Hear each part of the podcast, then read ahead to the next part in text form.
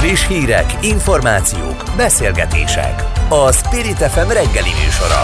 Indítsa velünk a napot, hogy képben legyen. A mikrofonnál Rónai Egon. 7 óra 6 perc, jó reggelt kívánok mindannyiuknak, ma április 12-e, ked van a Gyulák névnapja, Isten éltesse önöket, meg a születésnaposokat is, hűvös a reggel, öltözzenek fel jól, mert van, ahol még fagy is, napközben viszont egészen kellemes idő lesz, erre szokták mondani, réteges öltözködést ajánlunk, vagy vegyenek fel, amihez kedvük szottyan. Madár Istvánnal kezdünk mindjárt, ő a Portfolio.hu vezető elemzője, arról beszélgetünk, hogy miközben egészen szép számok jöttek ki béremelés tekintetében az elmúlt esztendőben, és ennek az esztendőnek az elején is sok helyen. Ehhez képest a jelek szerint az infláció felfalja az egészet, mert hogy közel 10%-os az infláció úgy egyébként is, és az alapvető élelmiszerek tekintetében például ennél sokkal rosszabb a helyzet, és az előrejelzések szerint sokkal rosszabb is lesz. Aztán beszélünk arról, hogy a szakszervezeti és munkásjogokkal mi lesz akkor, amikor az inflációs nyomás a vállalatokat, a cégvezetőket is döntés elé állítja. Komiát Imrét hívjuk majd ennek a témakörnek az alapos ismerőjét, egyúttal az MSZP országgyűlési képviselőjét.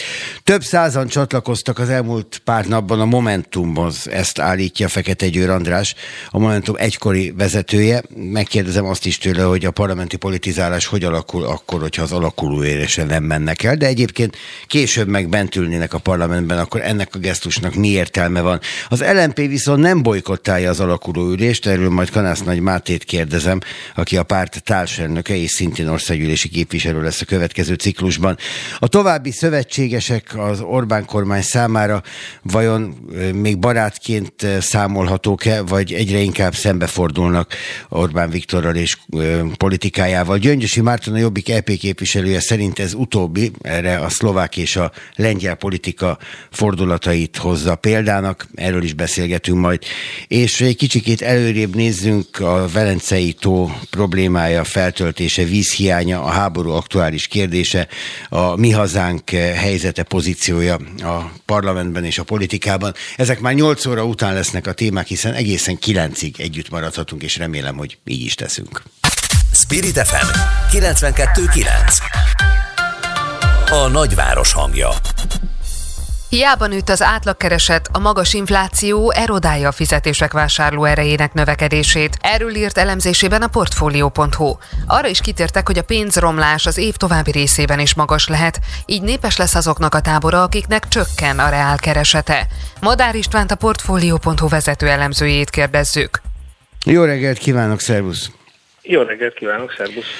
Ugye itt beszélhetünk a tavalyi évvel és az évelejével együtt közel 20%-os átlagkeresett növekedésről sok esetben, viszont hát úgy tűnik, hogy ez a 10% körüli infláció, ami elősen benéz itt az ablakon már, az erősen árt annak a tendenciának, hogy hogy érzik az emberek, mi az érzetük, hogy mennyit nőtt a valódi jövedelmük, főleg, hogy ugye vannak olyan termékek, ahol itt már a 20% fölötti inflálódásról is beszélhetünk.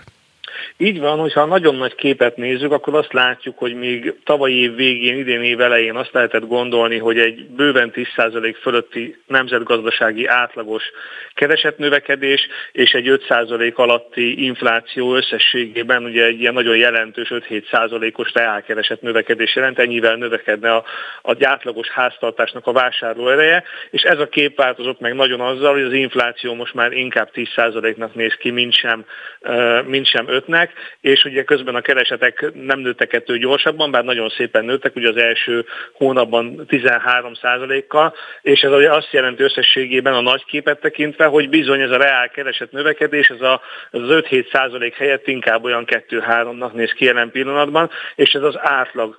És ugye ami nagyon fontos, hogy ugye ez úgy jön ki, ez a 13 százalékos átlagkereset növekedés, hogy a minimálbéresek, ugye és a szakképzett minimálbérminimumot keresők 20 százalékos növekedés növekedést kaptak az idén év elején, amiből könnyedén kiszámítható, hogy ahhoz, hogy kijön a 13-14 százalék, bizony a gazdaság, az emberek, a foglalkoztatottak egy jelentős részének szinte biztosan bőven 10 százalék alatti bérnövekedése volt, hiszen különben nem csökkent volna a 20 százalék, ugye 13-14-re, mire a teljes lakosságot figyelembe vesszük, és ugye ez pedig azt jelenti, hogy amit általában is mondunk, hogy miért rossz egy magas infláció, azért, mert újra rendezi a jövedelmeket, hiszen lesznek olyanok, akik az idén dacára annak, hogy milyen látványos bérkiáramlás valósult meg az első negyedévben, valójában a magas infláció miatt a vásárló ereje a keresetüknek csökkenni fog az idei évben. Ráadásul ez a bérkiáramlás az inflációt is növeli, mert hogy azért mégiscsak úgy kezdődött ez, hogy sokan sokat költöttek, mert hirtelen pénzhez jutottak. Így van, ez valóban nagyon valószínű, hogy tovább lökte az inflációt. Ugye ez egy örök dilemma, hogy mit kell ilyenkor csinálni, hiszen azt látjuk, hogy az infláció jelentős része azért alapvetően ilyen költségalapú nyomásból jön, tehát azért, mert ugye nagyon sok terméknek, különösen energiahordozónak, alapanyagnak többszörösére emelkedett az ára, ez pedig szép lassan átcsorog a fogyasztási cikkekbe is. Ugye, hogyha csak arról beszélnénk, hogy azért van infláció, mert túlszás túlságosan nagy keresletet pumpálnak bele a gazdaságba, akkor adódna a helyzet, hogy azt mondanánk, hogy, hogy nagyon egyszerű a képet, ez nem jó dolog, amit csinál a, a gazdaságpolitika, a jövedelempolitika címén, hiszen hiába pumpálja a, a keretet, ha a kínálat nem alkalmazkodik hozzá, akkor egyszerűen csak elinflálódik az a bejött pénz, és senkinek nem lesz jobb, csak az infláció gyorsul föl, ami meg ugye további költségeket okoz a gazdaságnak. Ha viszont az a helyzet, hogy a költségoldali nyomástól jön, jön az infláció, akkor azért fejvakarósabb a történet, hiszen az a kérdés, hogyha mindenképpen emelkedik az infláció, akkor mit, mivel teszünk jobbat? Ha megpróbáljuk megvédeni az embereket azzal, hogy nagyon jelentős bérnövekedést adunk, ezzel ugye kivédi, egy részét a, a, a kereset reálkeresett csökkenésnek a, a, a, a gazdaságpolitika, viszont nyilván keresleti oldalon megtámogatjuk az inflációt, ami kínálati oldalról jött, tehát hogy a, a megemelkedett költségek miatt sokkal bátrabban emelnek most árat a, a, a kereskedők és a termelők, hiszen azt látják, hogy egyébként kereslet lesz rá, hiszen ugye jelentős mértékben növekednek a nominális bérek. Ez azt jelenti, hogy persze egyrészt megmentjük a, a rövid távon a, a, a durva életszínvonal csökkenéstől a, a, a magasabb jövedelmekkel, a, különösen az alacsony keresetőeket, ugye a minimálbéreseket, de a másik oldalon valószínűleg emiatt hosszabb távon elhúzódóbb küzdelemre kell számítani az infláció ellen, hiszen amikor ez a magas infláció beépül a várakozásokba, és a magas kereslet miatt hozzászoknak a, a, a termelők, a kereskedők, hogy lehet árat emelni, nem, nem okoz problémát, mert van rá kereslet, akkor bizony nehezebb lesz majd a jegybanknak, vagy szigorú politikával, több kamatemeléssel kell majd küzdenie azért, hogy ezt az inflációt visszaverje. Na de meddig lesz ez a kereslet olyan magas? Gondolok itt például arra, hogy ennek a történetnek, amiben most benne vagyunk, amely nagyon jelentős részben az élelmiszer áremelésről is szól, és ahogy a hírek jönnek a következő hónapokban, még inkább arról fog szólni. A nyugdíjasok lehetnek megint a vesztesei, akiknek teljesen szétfoszlik a 13. havi nyugdíjjal megszerzett hirtelen jött jövedelmüktől kezdve a nyugdíjemelésig sok-sok bevételük, mert hogy pont el fogja vinni az, amire a legtöbbet költik. Igen, ez így van. Ugye a másik nagyon fontos dolog, amikor egy magas inflációról beszélünk, hogy az mindenkit máshogy érint. Attól függően, hogy mit vásárol. Ugye azok, akik főleg élelmiszert vásárolnak, a fogyasztásuk nagyobb része élelmiszer, azok valószínűleg az idén az átlagosnál magasabb áremelkedést fognak tapasztalni, hiszen a kosarukba több olyan termék fog belekerülni, aminek az ára érdemben nagyon gyorsan növekszik. Ugyanakkor az, hogy pontosan kinek jó és kinek rossz, az, az még azt mondanám, hogy ilyen nagy csoportokra sem lehet megmondani, mint hogy nyugdíjas, hiszen ugye a nyugdíjasok valóban valószínűleg a statisztika szerint is egy kicsivel többet költenek élelmiszerre, mint egy átlagos háztartás, viszont ugye az alacsonyabb jövedelmük miatt a rezsi súlya is magasabb az ökosarukban, ami meg ugye egyelőre nem változott, hát meglátjuk, hogy meg lehet-e úszni ezt a rezsi emelések nélkül, vagy milyen formában lehet ezzel valamit tenni, de minden esetre emiatt az a helyzet, hogy nagyon vegyes képet látunk, mert ugye az alacsony jövedelmek, például minimálbéresek bére gyorsan nőtt, de ugyanakkor az ő általuk arányaiban nagyobb mértékben fogyasztott élelmiszerek ára is gyorsabban növekszik. Tehát emiatt igazából valószínűleg egyéni élethelyzet től is függ az, hogy, és a fogyasztói szokásoktól, hogy, hogy valaki mennyire jár jól vagy rosszul, amíg 1-2 százalékos infláció volt, meg 4-5 százalékos bérnövekedés, addig ez sokkal kiegyensúlyozottabban zajlott a gazdaságban. Most, hogy mind a kettő ilyen 10 százalék fölötti vagy 10 százalék körüli dinamikát mutat, most sokkal nagyobbak azok a különbségek, amik a gazdaságban megjelenhetnek egy-egy ember élethelyzetében. Nyilván a kormányzás alapvetései maradnak a következőkben is épp úgy, mint ahogy eddig, tehát nem a szociális oldalon próbál a kormányzat majd belenyúlni a folyamatokba, ha és amennyiben bele kell nyúlnia. De kerülhet-e olyan helyzetbe, hogy kénytelen legyen? Hát ugye a költségvetés helyzete meglehetősen nehéz. Ugye nem akarom itt most nagyon az elejétől kezdeni, van több olyan egyedi tétel, amelyik nagyon látványosan eldobja a költségvetés idei és jövő évi hiányát, amit valamilyen módon kezelni kell. Amennyiben az EU források nagy nehezen elindulnak, akkor azt gondoljuk, hogy ez egy kezelhető történet, hogyha nem, akkor sokkal nagyobb probléma van. De ugye összességében az a helyzet, hogy a kormány eddigi kiigazítási lépéseit figyelve alapvetően két dolgot sejthetünk. Az egyik az, hogy elsősorban vagy legalábbis részben a, a profitot próbálják meg adóztatni, tehát a vállalati profitból próbálnak meg ö, ö, lecsippenteni különadókkal, ö, egyedi ö, terhekkel. Ugyanakkor ez általában nem feltétlenül szokott elég lenni, és ugye hiszen a, egy gazdaságban általában csak a megtermelt jövedelemnek a harmada profit, a kétharmada bér, és ugye erre is szükség van, de ezt a kormány eddig is nagyon ügyesen csinálta meg, hogy könnyen fenntartható módon történjen politikailag is a dolog, úgyhogy ugye olyan típusú adókat vetettek ki, amelyek ilyen forgalmi jelleggel működnek, vagyis egy-egy díj szolgáltatás keretében átháríthatók a lakosságnak. Tehát a kormányzat mondjuk megemeli a tranzakciós illetéket, ezért ugye hivatalosan a bankok felelnek, de a bankok nyilván a szolgáltatásaikba, az átutalási, pénzátutalási szolgáltatásaikba megemelik ennek a díját, és innentől kezdve ugye viszont már az emberek fizetik ezt. Ez egyébként nem egy, szakmailag nem egy feltétlenül rossz dolog, a rossz dolog az, hogy ezt kell csinálni, mert hogy ugye nagyon ki vagyunk költekezve, meg nagyon durva hatása van az energiaimportőr magyar gazdaságnak, magyar gazdaságra annak, hogy ilyen, ilyen durva energiáremelés zajlik a világban. Tehát összességében a kép az az, hogy hogy, hogy itt a, a, a, a, az életszínvonal nem, messze nem fog olyan ütemben emelkedni az idén, mint amennyire gondoltuk azt az év elején, és nagyon valószínű, hogy lesznek olyanok, akiknek, akiknek lényegesen, lényegesen kevésbé. A, ennek a hatása, amit az előbb beszélgettünk a bérekről és az inflációból, ennek a hatására rakódik rá még az, hogy a költségvetés, a kormányzat a kiigazítási lépéseken keresztül mely pontosan kit, melyik gazdasági szereplőt milyen mértékben uh, sújt majd. Uh, ez is valószínűleg egyéni élethelyzet függvénye lesz. Majd. Egy utolsó kérdést engedj meg már csak az elő, a következő beszélgetést Komia Tímrével is előkészítve egy kisé. A vállalkozások, a vállalkozók mire számíthatnak? Nehezedő adókörnyezetre, emiatt kisé nehezedő foglalkoztatási környezetre is, vagy éppen ellenkezőleg vigyáz a kormány majd arra, hogy a munkanélküliségi adatok annyira kedvezőnek látszanak, mint amilyenek? Nagyon feszes a, a magyar munkaerőpiac, újra munkaerőhiányos környezet van. Nyilván a gazdasági lassulás talán azt eredményezi, hogy ez nem növekszik tovább, de hogyha azt az alapforgatókönyvet tekintjük, hogy mondjuk az idén nem 6%-kal fog növekedni a magyar gazdaság, hanem mondjuk kettővel, és az idén meg már valójában a második negyedévtől inkább stagnálgatás jön csak, akkor azt lehet mondani, hogy azért ez összességében a munkaerőpiaci helyzetet nem rombolja olyan mértékben, mármint hogy nem lesz több munkanélkül, nem lesz több szabad munkaerő, olyan mértékben, hogy ez érdemben mérsékelje a munkaerőhiányos környezetet. Tehát ebből, erről az oldalról olyan nagyon sok dolgot nem lehet várni. Ami a vállalkozásokat két oldalról sújtja, az egyik az, hogy megemelkednek a kamatok, a kamatok miatt a hitelek is, a forgóeszköz hitelek, a, a fejlesztési hitelek is mind-mind egyre drágábbak lesznek. Ez nyilván egy vállalkozás életében egy kifejezetten kedvezőtlen dolog, főleg úgy, hogy éveken keresztül hozzászokhattunk, főleg a KKV-k, hogy akár 2%-on is kapnak hitelt, hogyha, hogyha valamilyen állami hitelprogramon keresztül próbálnak forráshoz jutni.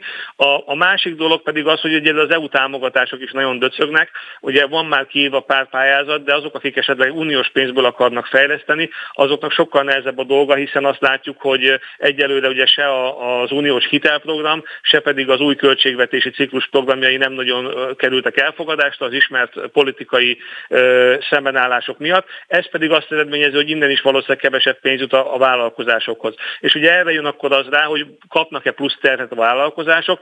Egy, ezzel egy kapcsolatban egy egyelőre sötétben tapogatózunk. Nyilván a költségvetés helyzete fogja eldönteni azt, hogy kell-e olyan nagyon általános adóteher növekedést végrehajtani, ami úgy általában a vállalkozásokat sújtja. Egyelőre ugye az alapforgatókönyv az, hogy inkább bizonyos gazdasági szereplők vállalkozásoknak a, a, a helyzete nehezedhet a kiskereskedelemben, a, a, a bankszektorban, a biztosítóknál, tehát olyan helyeken, ahol, ahova könnyen ki lehet vetni különadókat, amennyiben ennél nagyobb költségvetési kiigazítás megoldásra van szükség, akkor viszont valószínű, hogy mondjuk egy általánosabb társasági adóemelésre, vagy olyan intézkedésre is sor kerülhet, amelyik már tulajdonképpen mindenkit elér a gazdaságban, aki valamilyen módon vállalkozik. Egy primadíjas újságíróval, a Madár Istvánnal a Portfolio.hu vezető elemzőjével beszélgettünk. István, köszönöm szépen! Köszönöm szépen Szervusz. én is, sziasztok! Spirit FM 92.9 A nagyváros hangja Részleges gyárlálások miatt küldték szabadságra a Tungsram gyár dolgozóit. A cég kormányzati segítséget sürget, miután a gazdasági körülmények nagy terhet rónak rá. Hogy milyen eszközökkel óvhatók meg a munkások a gazdasági válság negatív következményeitől, arról Komjáti Imrét, az MSZP elnök helyettesét kérdezzük aki már országgyűlési képviselőnek is tekinthető, bár még ahhoz az alakulülésnek meg kell történnie majd a parlamentben. Jó reggelt kívánok! Jó reggelt kívánok a hallgatóknak is! Amikor a Tungsram kormányzati segítséget sürget, akkor azért az a furcsa, egy kicsikét a kormányal összekacsintó helyzet, hogy idáig jók voltunk, és idáig támogattatok minket, most amikor baj van, most miért nem. De ilyenkor a szakszervezet, amelyik a munkaadókkal szemben kellene, hogy megfogalmazzon bizonyos a munkavállalókat védő alapelveket, miért hallgat?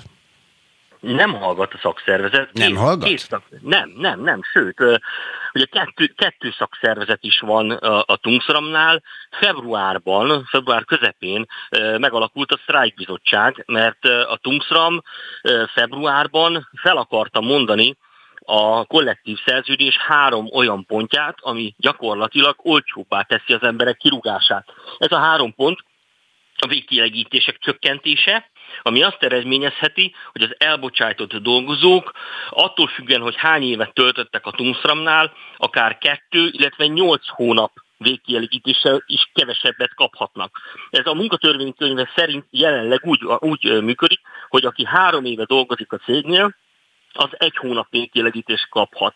Na most a cégek általában azt csinálják, hogy azzal motiválják pluszban a dolgozókat, hogy minél több évet dolgozzanak náluk, hogy magasabb végkielégítésben alkudnak meg a szakszervezetekkel a kollektív szerződésben. Ezért ez azt eredményezheti, hogy mondjuk a tíz év ö, eltöltött munkaviszony után a munkatörvénykönyve csak három hónap végkielégítést adna, egy, vannak olyan cégek, ahol ez akár tíz hónapig is felmehet.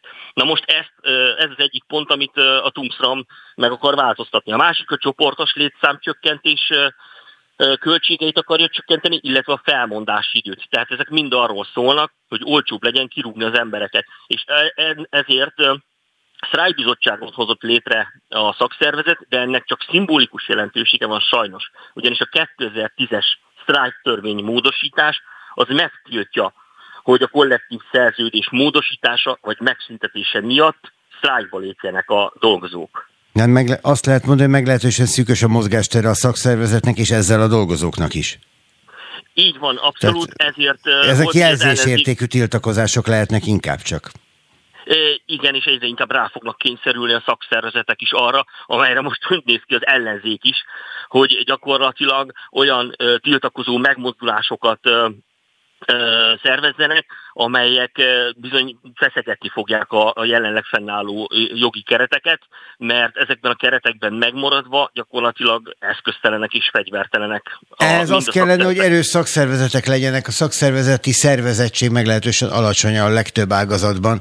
Ugye még a pedagógusok is ezzel küzdenek, ahol viszonylag még rendezetnek láthatók a viszonyok. Hány százalékos most átlagosan a, a szakszervezeti szervezettség a munkavállalók körében?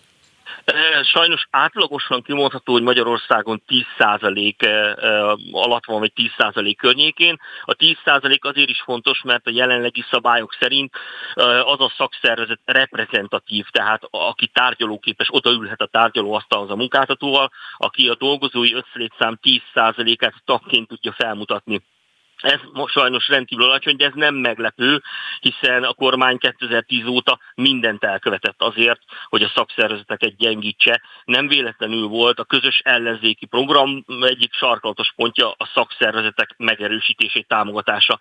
De a szakszervezeteknek is ez ügyben van dolga. Többek között az, hogy el kell kezdeniük véleményem szerint egy akár egy ideológiai képzést is azért, hogy felfogják az emberek és, és magukévá tegyék azt, hogy a szakszervezetek azok egy szociáldemokrata értékrend alapján kezdtek el működni, és úgy kellene működniük, és jelen pillanatban a legtöbb szakszervezeti vezető azzal védekezik, hogy miért nem mozgósít mondjuk az ellenzék mellett egy ilyen választáson, mert hogy sokféle ember, pártállású ember a, a, tartozik a tagjai közé. Ezzel sokáig nem lehet takarózni, mert azért az tisztán látszik, a szakszervezetek kivéreztetése az folyamatos, és van nagy valószínűséggel folytatódni is fog. De egy kicsit a, a, a munkavállalók helyzetére visszatérve. A, a Tungsramnál is, hogyha ilyen nagy arányú létszámlépítés lesz, itt is segítséget nyújthatott volna a közös ellenzéki programban megfogalmazott javaslat, illetve ígéret, hogy kilenc hónapra emeltük volna az álláskeresési járadék. Hát volna, volna, volna. Ez az ellenzéki program ez elúszott, abban sok mindent terveztek, tervezték a rabszolgatörvény kivezetését, a munkatörvénykönyvének megváltoztatását. Rengeteg mindent, amit most ellenzékből újra és újra nyilván fel kell kínálni a kormánynak, miért változtatna rajta. Éppen ezért kérdezem, hogy előbb beszéltünk Madár Istvánnal, aki azt prognosztizálta, hogy a, az inflációs nyomás nem, hogy kisebb nem lesz, hanem véletlenül nagyon sokáig velünk marad. Sok tiltakozó akcióra készül, akár olyanra, mint mondjuk Veszprémben a buszosok sztrájkbizottság alapítása, kifejezetten a bérük és az infláció viszonya miatt?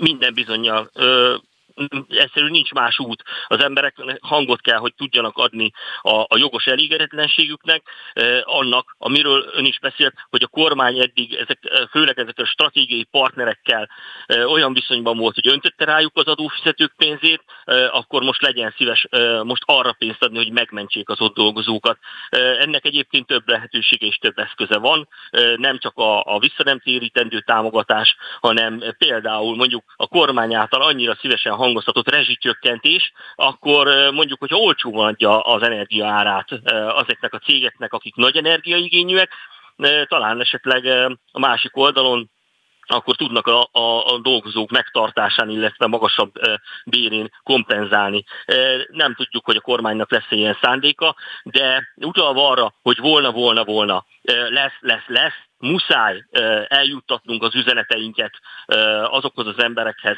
akik most majd megdöbbenve fogják tapasztalni, hogy egyébként, hogyha az ellenzékre szavaztak volna, és kormányváltás lett volna, akkor most nem kerültek volna ilyen nehéz helyzetbe.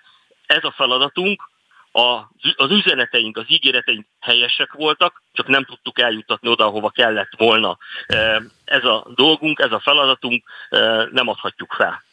Azt eldöntötték már az MSZP-ben, hogy bemennek ki az alakuló ülésre, vagy mennek a Momentummal, nem tudom, a szomszéd utcába beszélgetni? Nagy valószínűséggel be fogunk menni a parlamentbe, még erről folynak tárgyalások és egyeztetések, de azt ígérhetem, hogy nem a szomszéd utcában fogunk beszélgetni.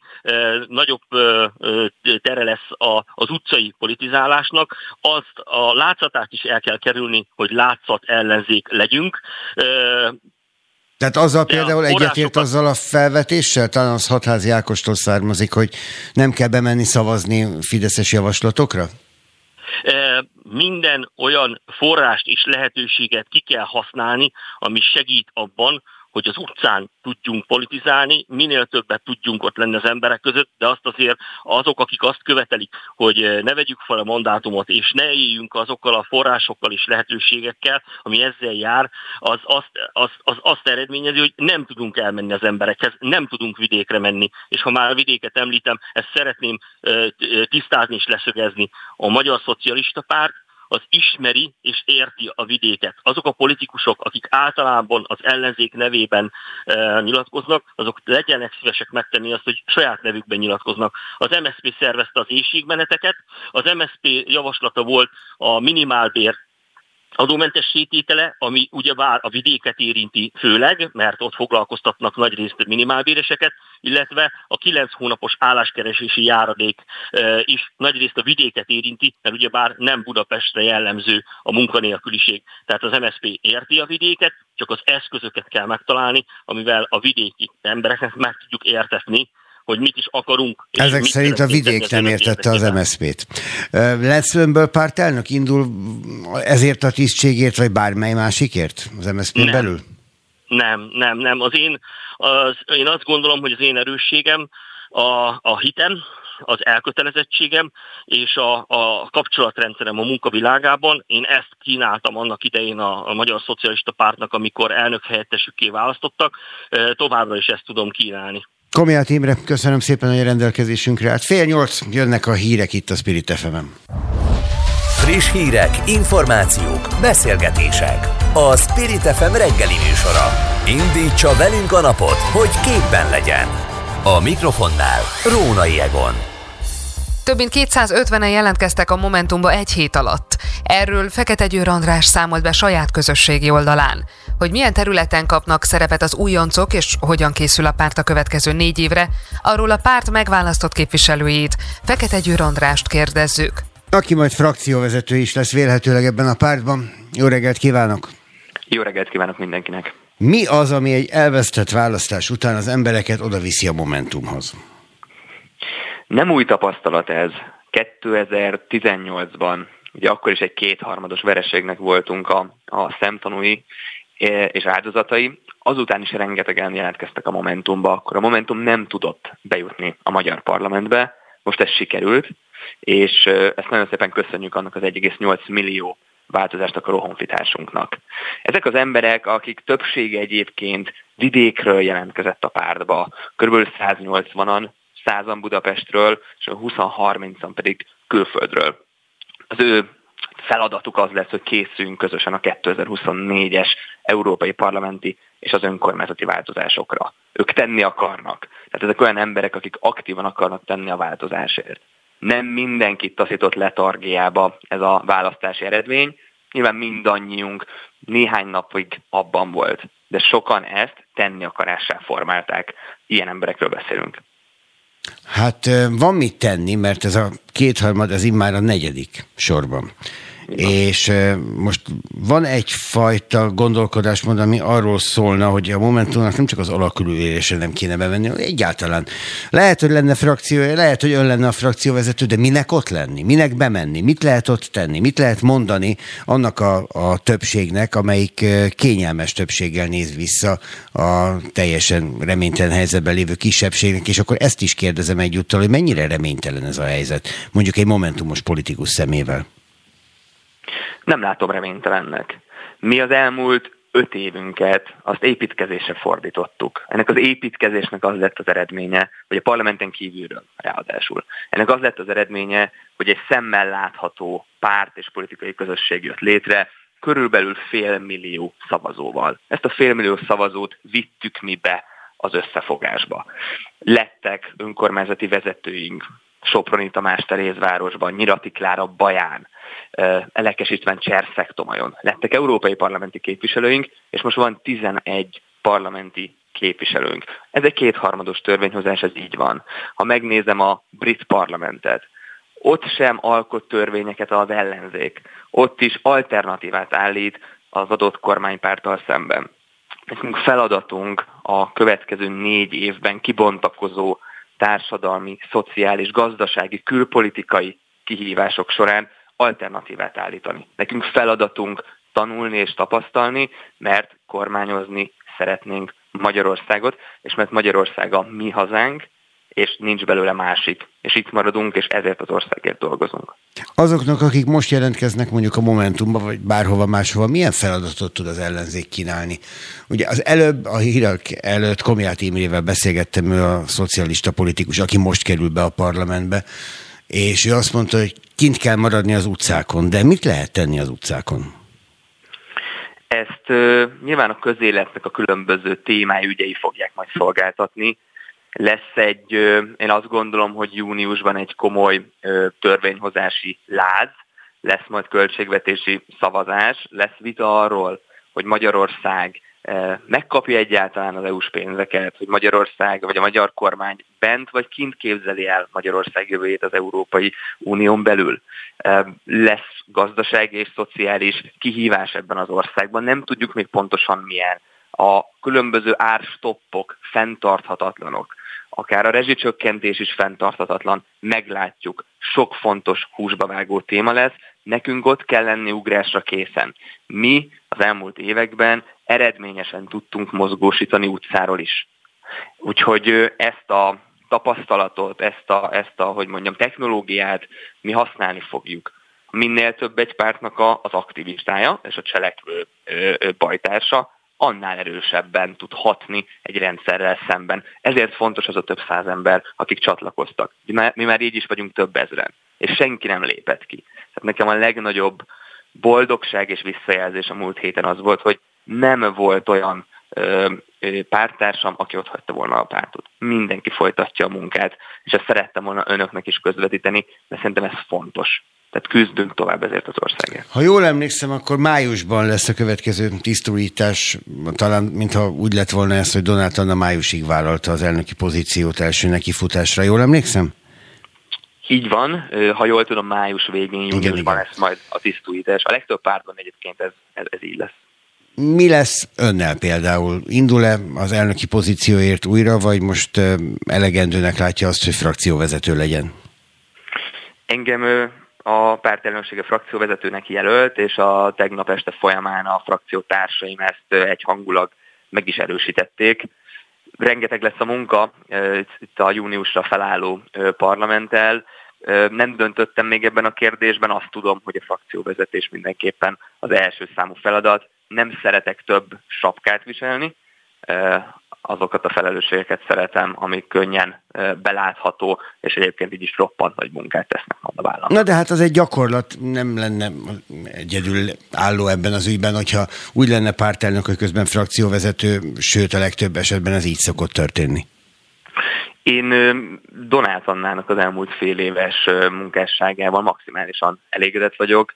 Az a kiállás, amit ő a választások után, a választási vereség után tanúsított, felállt Márkizai Péter mellé a színpadra, az, hogy utána elnézést kértünk sok millió csalódott választótól, és nem vagdalkoztunk, nem hibáztattunk másokat, magunkban kerestük elsősorban a felelősséget, szerintem az példaértékű volt.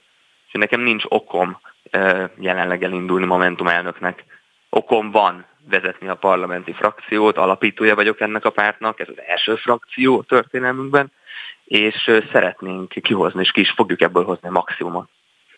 Nem kellett volna a pártelnököknek együtt vagy külön-külön lemondaniuk egy ilyen választási eredmény után? Most függetlenül attól, hogy én értem Donát Anna munkájával elégedett, de azt gondolom, hogy a választók egy részének meg ez a gesztus hiányzott volna, akár csak formális módon is. Nekem van ebben tapasztalatom, már mint lemondásban, és nem szeretném megmondani másoknak, hogy mit kellett volna csinálniuk. Legtöbb pártban a tisztújítás az egy hónapon belül következik a választáshoz képest. Úgy látta a többség, vagy úgy látta mindenki, hogy elegendő a, tiszt, a pártok belső tisztújításán ezeket a felelősségi kérdéseket tisztázni. Ez egy távolságtartó válaszám. Tehát igazi válasz most nem adott?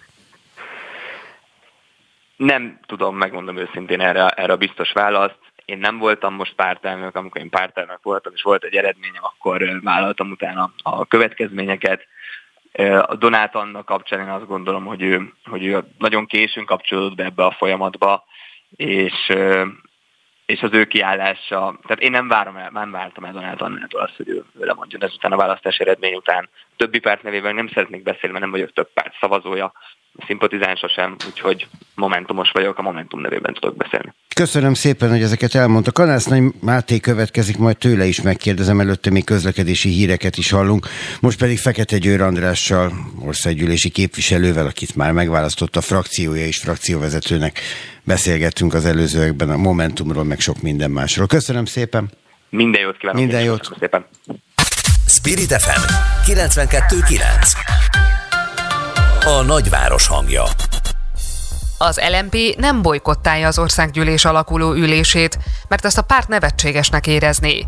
Így reagált a zöld párt arra, hogy a Momentum jelezte nem vesz részt az első ülésen. Hogy milyen érdemi esélyt lát az LMP a parlamenti politizálásra, arról a párt társelnökét, Kanász Nagy Mátét kérdezzük. Akinek jó reggelt kívánok! Jó reggelt kívánok! Elnök úr, azt beszélgettük az előbb Fekete Győr Andrással a, a közlekedési híreket megelőzően, hogy miért kellett, vagy miért nem kellett volna lemondaniuk az elnököknek a választási vereség után. Tudom, ezzel nyaggatja mindenki egy hete, de voltak éppen, miután ő is erre válaszolt, mondtam, hogy majd megkérdezem öntől is, hogy mi az álláspontja. Tehát az LMP társelnökeinek nem kellett volna azt mondaniuk, hogy köszönjük szépen a bizalmat, eddig tartott? Én azt gondolom, hogy nyilván bizalommal és felelősséggel kapcsolatos kérdések felmerülnek egy ilyen választási kudarc esetén. A felelősség az részben közös, hiszen ugye mindannyian alkottuk ezt az ellenzéki együttműködést, ami végül sajnos nem vezetett sikerre. Most az az időszak tart egyébként, amikor mélyen, és tényleg mélyen részletesen elemezzük a számokat, hogy pontosan mi történt, hol, hogyan veszítettünk szavazót. Ami a konkrét kérdésre vonatkozik, az LMP-nek a zöld közössége le fogja vonni a konzekvenciákat egyébként igen hamar, hiszen nyáron egyébként is tisztújítást tartunk, addigra egy részletes, kiértékelt helyzetkép után lehet meghozni a felelős döntést. Természetesen minden döntésnek állok elébe, a felelősséget vállalni kell.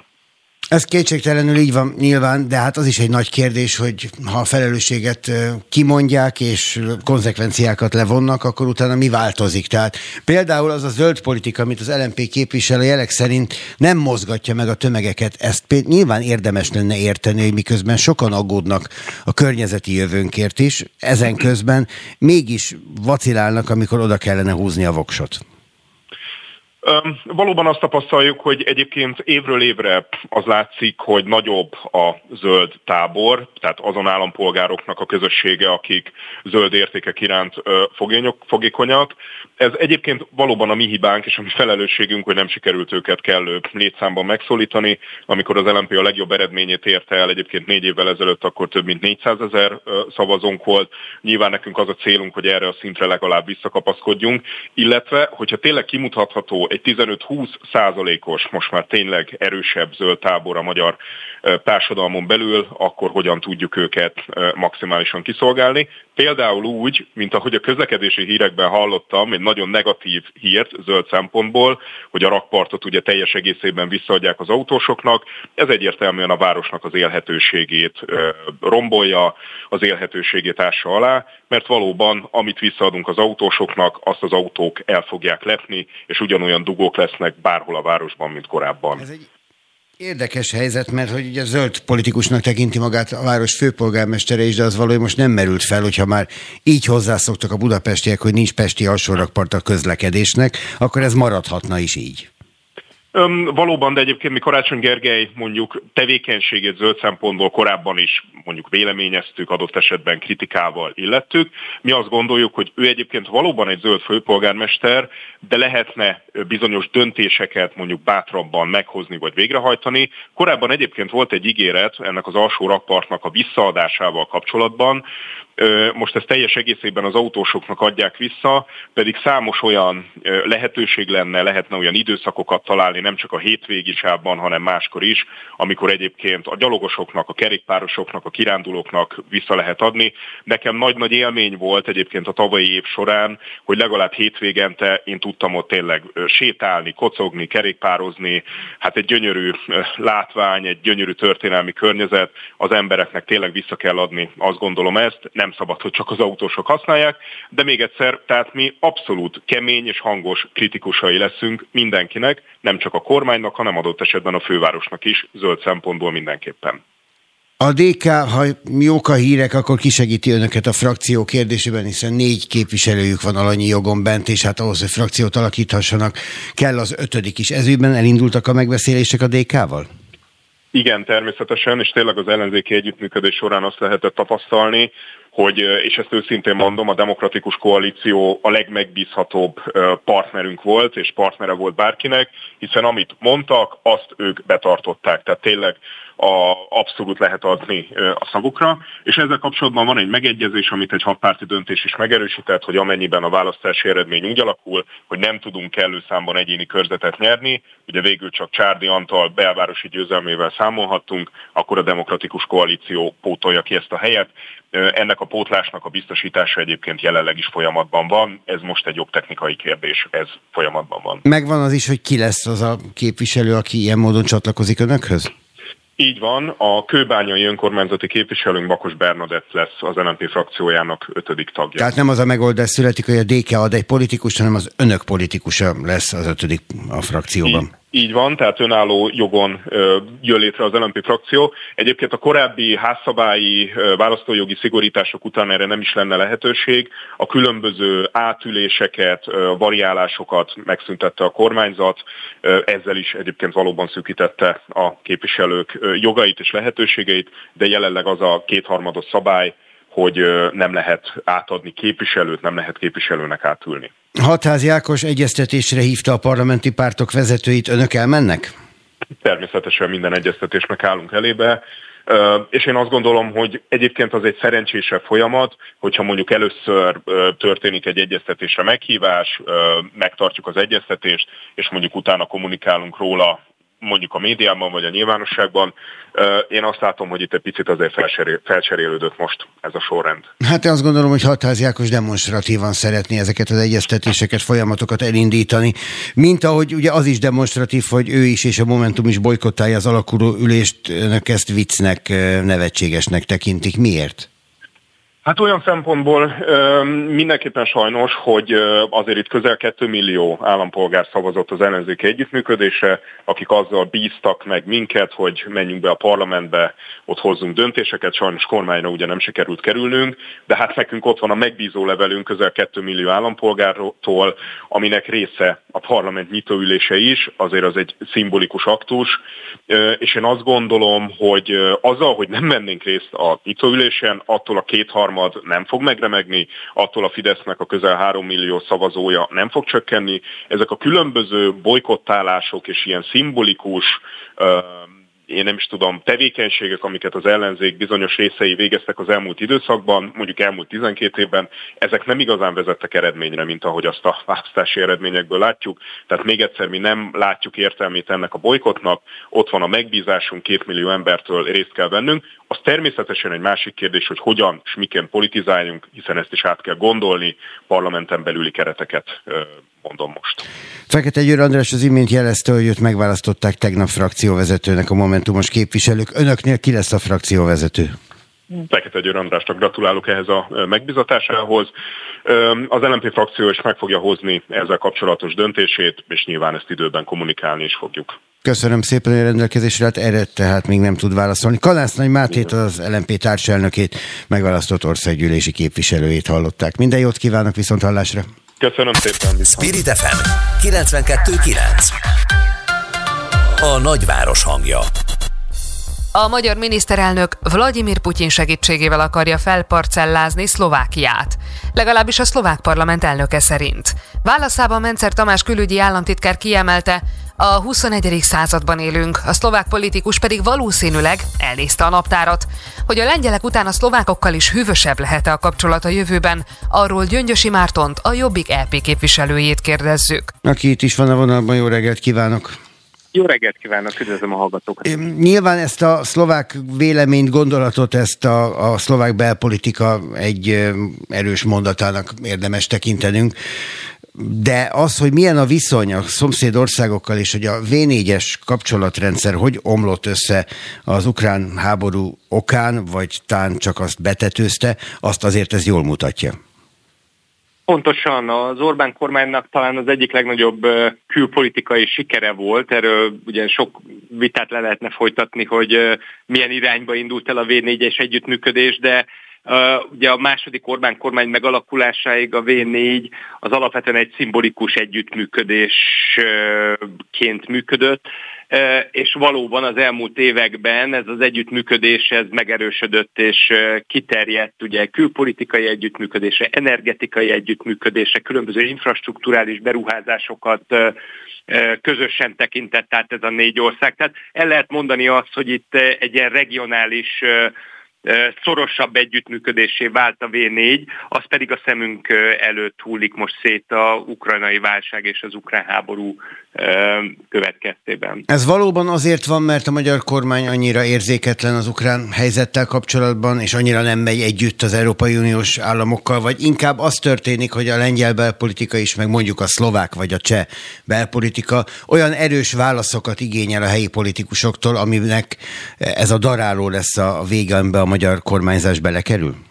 Nem, szerintem a V4-nek a széthullását azt egészen pontosan a, a, az ukrán-orosz háborúnak a kirobbanásához lehet, azzal lehet párhuzamba állítani, hiszen talán nem túlzás azt mondani, hogy Lengyelország volt ennek az együttműködésnek a motorja. Nyilván a lengyel, lengyel-magyar tengely, nyilván Orbán Viktor volt az, aki ezt a, ezt a legerőteljesebben vitte a V4-es együttműködést, ugye Szijjártó Péterek közösen, nyilván Lengyelországot, mint a legnagyobb országot tolták maguk előtt, és a lengyelek voltak ennek talán a, a, a, a legkiemeltebb szereplői a V4-es együttműködésnek, és a lengyel-magyar viszony megromlása vezetett el odáig, hogy a V4 az, az, az lerobbant, és ennek az oka az teljesen nyilvánvalóan a, a, a, a magyar álláspont Ukrajna kapcsán. Kicsit beszéljünk a belpolitikai vonatkozásokról, jó? Már egyfelől azért, mert a legtöbben szerintem nem érzékelik, hogy ez a V4-es együttműködés mit hozott nekik személyesen. Csak azt érzékelték az elmúlt években, hogy Orbán Viktor tudott támaszkodni politikailag arra, hogy a V4-eket emelje maga mellé, vagy bújjon egy kicsikét talán mögéjük egyes uniós vitákban. Hogy egyedül marad a magyar politika a V4-ek nélkül, az nekünk, itt élő magyar polgároknak mit jelenthet?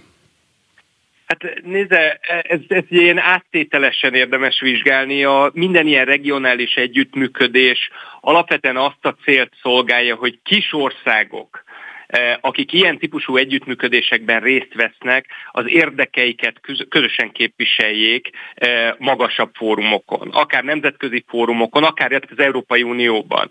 Ugye számos ilyen kis regionális együttműködést ismerünk, amin keresztül kisebb tagállamok nagyon sikeresen képesek lobbizni a saját érdekeikért, eh, mondjuk az Európai Unióban, mondjuk a NATO-ban, ahol meg tudják jeleníteni a, a sors kérdéseiket, a problémáikat eh, a, a, egy olyan fórumon, ahol tényleg a nagyoknak a meccse a döntő. Tehát az Európai Unióban is ugye alapvetően a, a francia-német tengely az, ami, ami, ami rettenetesen erős és meghatározza az Európai Uniónak a jövőjét, és ebbe például a balti országok a baltikumi együttműködéssel, vagy a skandináv országok egyfajta skandináv együttműködéssel nagyon sikeresen voltak képesek bevinni a saját ügyeiket, és én, a, én személy szerint a V4-re is így tekintettem, de ahogy Szerkesztő úr is mondta, a V4 az elmúlt években nem volt több, mint egyfajta ilyen, ilyen hát tényleg bota küllők között, ugye a jogállamiság kapcsán állandóan e, e, balhézott, beakasztotta, beakasztotta az Európai Uniónak a, a, a, a működésébe, a tengely közé a, a, a küllőt. Tehát tényleg, e, hát hogy mondjam, nem tekinthettünk úgy a V4-re, mint a nagy magyar sors kérdések előmozdítója, de ez is lehetett volna, tehát ez lett volna benne a nagyon-nagyon nagy lehetőség. Ez, ez egy ilyen elszalasztott lehetőség, ez sajnos nem jött létre, de ez kellett volna, hogy legyen a V4, és ha lesz Magyarország akkor remélem, hogy a V4-re majd így tekint egy jövőbeni kormány. Néhány másodpercünk maradt, még az igazán nem sok, de nem állom meg, hogy ne kérdezzem meg. Ön egy lépéssel kívülről tudta nézni az itthoni kampányt, hiszen az Európai Unióban képviselő, és nem a magyar parlamentben. Valóban az történetet, hogy a jobbik szavazói elpártoltak, és emiatt ment kudarcba az ellenzéki együttműködés? Hát nézze, a Jobbik egy óriási utat tett meg, és a párt az néppártosodott az elmúlt évek során. Ilyen értelemben az nem kéne, hogy túlságosan meglepő legyen bárki számára is, hogy a szavazói bázisa is megváltozott. Tehát azok, akik a, a Jobbik volt táborából a Fideszre vagy a, a, a, a mi hazánkra szavaztak, azok, azoknak a, a megszólítása az egy lehetetlen küldetés volt. Hát nekünk pont az a célunk, hogy ne a mi hazánknak a szavazóit ö, ö, szólítgassuk, tehát egy néppártosodott jobbiktól ezt elvárni, az teljesen nevetséges, és én nem is értem ezeket a, ezeket a felvetéseket, akár a sajtó, akár a, a többi ellenzéki pár, párt részéről, és legalább annyi szavazót vetítettünk baloldalról is szerintem, mint amennyi, mint amennyi a jobbik szavazóiból lemorzsolódott. Tehát ez egy nagyon-nagyon összetett kérdés, hogy mi múlt ez a választás, és nem a felelősségnek a, a porciózásával kellene foglalkoznunk, hanem a, a, a, hát a nagyon szomorú konklúziók levonásán, és azon kellene gondolkodni, hogy ezzel a rezsimmel szemben hogyan lehet a, a, az érdekeinket érvényesíteni, és hogyan lehetne valahogy a demokratikus ellenzékiséget megerősíteni. Lesz tisztújítás a Jobbikban is, mint az összes többi párban. Jakab Péter sem ajánlotta fel a lemondását. Ön indul elnökként? Elnökjelöltként? Elnök jelöltként egészen biztos, hogy nem. Azt, hogy a tisztújításon valamilyen formában részt veszek ezt még nem tudom. Az elnökség majd most fog dönteni arról, hogy a tisztújítás mikor lesz. Ezt a nyár közepéig meg kell tennünk, hiszen az alapszabályunk ezt kimondja, úgyhogy a következő hónapokban igen, lesz tisztújítás. Ön elvárta volna Jakab Pétertől, hogy lemondjon? Nézze, az egyik legfontosabb dolog most a stabilitás egy ilyen helyzetben. Tekintettel arra, hogy nekünk itt van egy tisztújításunk, a párt tagságának lesz arra lehetősége, hogy véleményt mondjon Értem. Jakab Péterről, illetve az elnökségnek a munkájáról. Gyöngyösi Márton a Jobbik EP képviselője volt a vonalban. Köszönöm szépen. Szép Köszönöm napot kívánok önnek, viszont hallásra. Friss hírek, információk, beszélgetések. A Spirit FM reggeli műsora. Indítsa velünk a napot, hogy képben legyen. A mikrofonnál Rónai Egon. Jó napot kívánok mindannyiuknak! 9 perccel múlt 8 óra, mindjárt szót ejtünk a budapestiek kedvenc nyaralóhelyéről, a Velencei tóról, milyen állapotok vannak ott, és hogyan lehet megmenteni a tavat, ha egyáltalán igényli ezt a tó, hogy mi megmentsük, és nem oldja meg saját maga, mint hogy az elmúlt évezredekben mindig. A mi hazánk lehet-e az új jobbik? Erről Vona Gábort fogom kérdezni, aki mondhatni e témában igazán szakértő. Mi van Ukrajnában? Demko Attila katonai szakértőt keressük ebben a témában, és a Migration Aid-et is hívjuk, mondjuk majd 80 kisgyerek ellátását és oktatását vállalták magukra, szervezik és intézik, valamint minden idők egyik legnagyobb magyar csapatsport sikerének is utána megyünk. A Sopron megnyerte a női Euroligát, első magyar csapatként, és hát ráadásul úgy, hogy a négyes döntőben még nem is vezettek ellenük az ellenfelek. Óriási siker, ezt Török Zoltánt fogjuk hívni, akinek 25 éve van ebben a sikerben. De kezdjük akkor sorba, nézzük, mi van a Velencei tóval.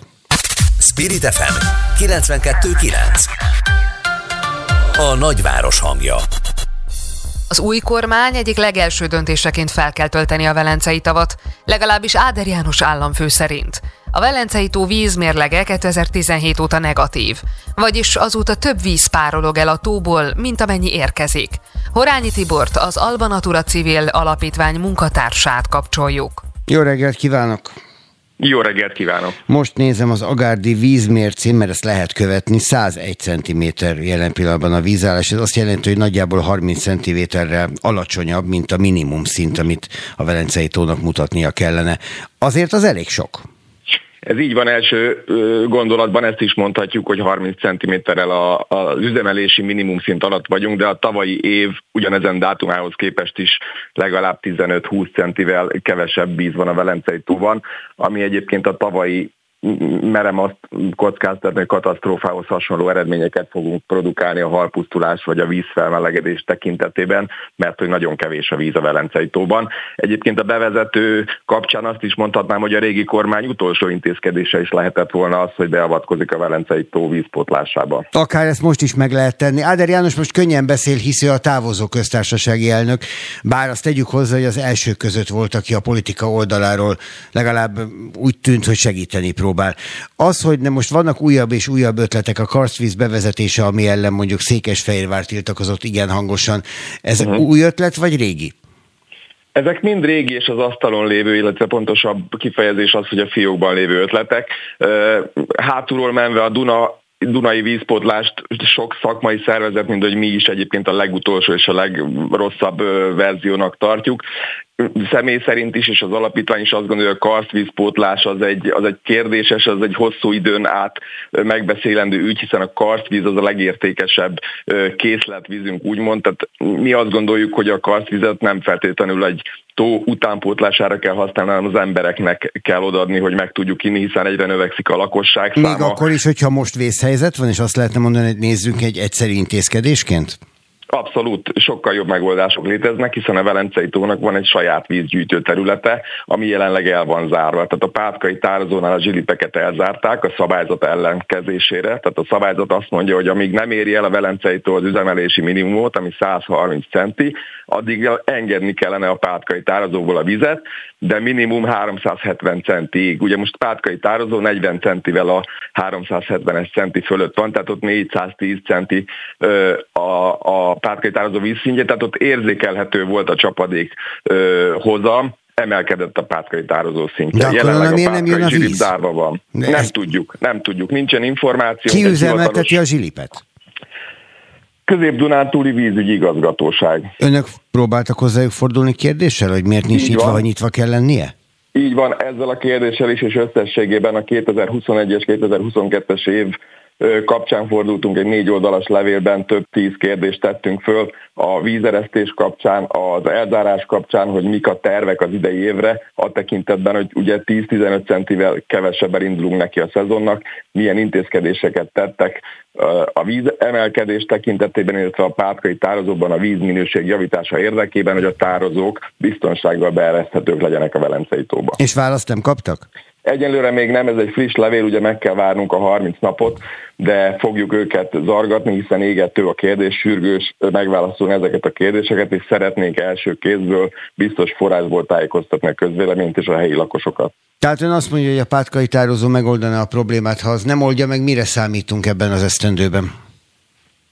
Nagyon, nagyon semmire, tehát több tízmillió vagy milliárdos beruházásokkal tudnánk csak megoldani ezeket a problémákat, de hát a nulladik verzió az az, hogy a Velencei tavat ne zárjuk el a saját vízgyűjtő területétől. Ugye Reek Gyula és a Kékbolygó Alapítvány közös kutatása is ezt helyezi előtérbe, és ez a, a, az alfa pontja az egész vízpotlásnak, hogy a Velencei tavat a saját víz területéről, vízbázisából kell pótolni, és hagyni, hogy az esőzések, amik ugye most voltak azért elég rendesen, legalább lefolyanak a Velencei tóba, és ne fogják vissza a két tározó környékén.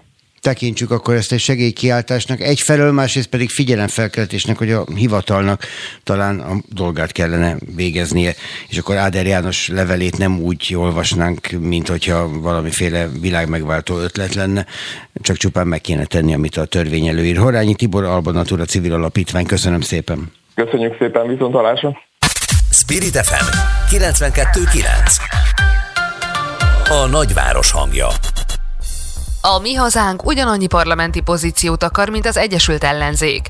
Derült ki Torockai László sajtótájékoztatójából. A mi hazánk mozgalom elnöke szerint a parlamenti tisztségeket nem pártonként, hanem listánként kéne szétosztani. A végső lista szerint a mi hazánknak hat mandátuma, míg az ellenzéki összefogásnak 57 képviselői helye lesz. A telefonnál Vona Gábor, a második reformkor alapítvány alapítója. A jobbik korábbi elnöke, jó reggelt kívánok! Jó reggelt kívánok! Köszönöm Én a ezt a torockai féle ötletet engedelmével elengedném, mert hogy igazából azt gondolom, hogy komolyan nem vehető, már csak a házszabályt ismerve sem. De azt a dolgot ellenben nem engedném el, hogy vajon a mi hazánk az új jobbik? Hát én azt gondolom, hogy semmiképp sem. Nyilván vannak analógiák. Ha az mindenképpen analógia, hogy volt jobbikos politikusok alkotják nagyobb részt a mi hazánk frakcióját, de az is analógia, hogy egy Fidesztől jobbra lévő párt került be az országgyűlésbe, és ezáltal lehetőséget teremt Orbán Viktornak és a Fidesznek arra, hogy a centrális erőtér pozícióját újra fölvegye.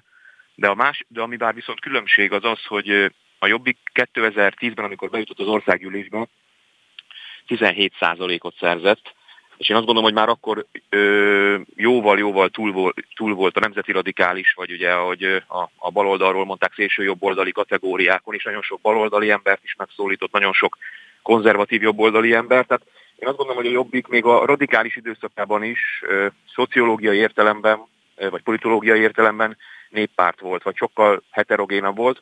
A mi hazánk egy, azt gondolom, hogy egy homogén párt, egy nemzeti radikális, sok esetben szélső jobboldali párt, és még a jelét sem látom, hogy ezen ők módosítani akarnának, vagy változtatni. Tehát Torockai László stratégiája azt gondolom az, hogy egy szélső jobboldali pártot vezessen, és abban bíznak ezek szerint, a nyilatkozatok szerint, hogy ez a párt majd tudja növelni a szavazóbázisát. Ha az ellenzék felől nézzük a mi hazánkat, akkor azért az látszik, hogy itt a választási kampány időszakában nagyjából egy legyintéssel elintézték, mondván, hogy sajnálatos, hogy ott vannak, mert el fognak vinni két-három százalékot, de úgyse jutnak a parlamentbe. Aztán most, hogy bent vannak a parlamentben, most meg hajlamos elintézni az ellenzéki többség azzal, hogy hát ezek nácik. Ön hogy írná le?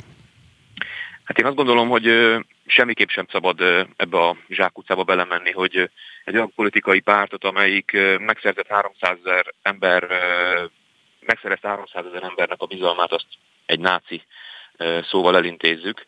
Ez már a jobbik esetében is nagyon rossz volt, de a mi hazánk esetében, bár ahogy mondtam, ez egy homogén szélsőjobboldali párt, itt sem fog működni. Hiszen a mi hazánk szavazóbázisában szerintem, akik a parlamentbe jutották, ott vannak a, a Covid kapcsán, vagy akár a behajtói kamara, kilakoltatások kapcsán megszerzett szavazók is. Nem hiszem, hogy azzal tudna az ellenzék a mi hazánkon, mi hazánkkal szemben pozíciót szerezni, hogyha címkézésbe menekülne. Van a mi hazánkban több, mint amit most látunk, politikailag is, vagy támogatottság tekintetében? Van több gondolat és mondani való azon kívül, hogy bizonyos dolgokra egyszerűen csak nemet mond?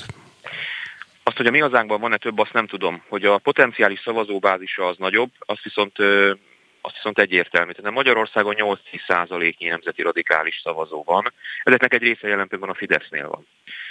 És azt se felejtsük el, hogy a társadalmi helyzet az elmúlt években radikalizálódott, egy várható gazdasági válság ezt a radikalizálódást még tovább fokozhatja, Úgyhogy ilyen értelemben én azt gondolom, hogy ha mi hazánk ügyesen nyúl ezekhez a kérdésekhez, vagy taktikusan nyúl, akkor még, még igen, van, van, van még tartalék, és van még növekedési lehetőség.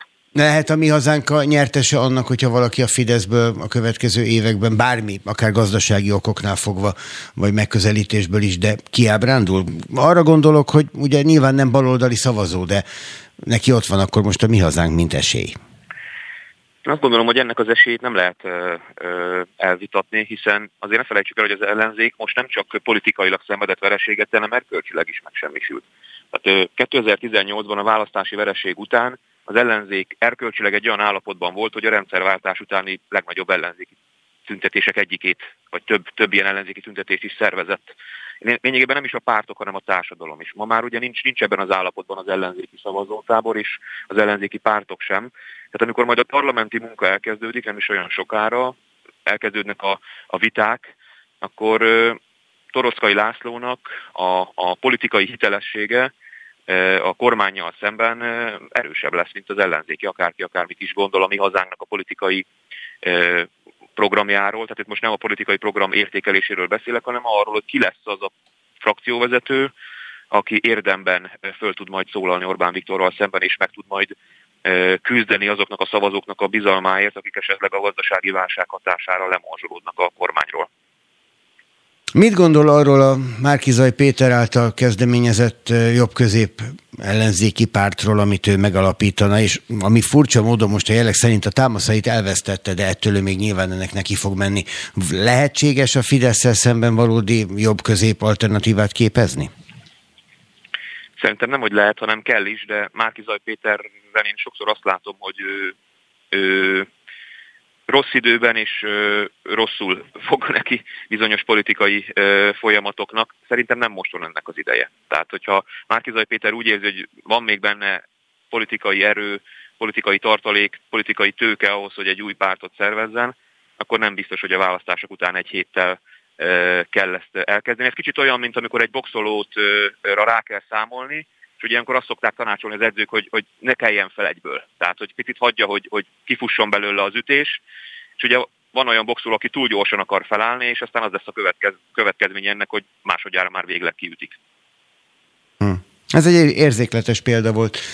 És akkor végezetül, a jobbikosok egy része nyilván nem új elemezőn számára, de most így a választási vereség nyomán érthető elem, elkezdte visszasírni önt. Lehetséges, hogy visszatér?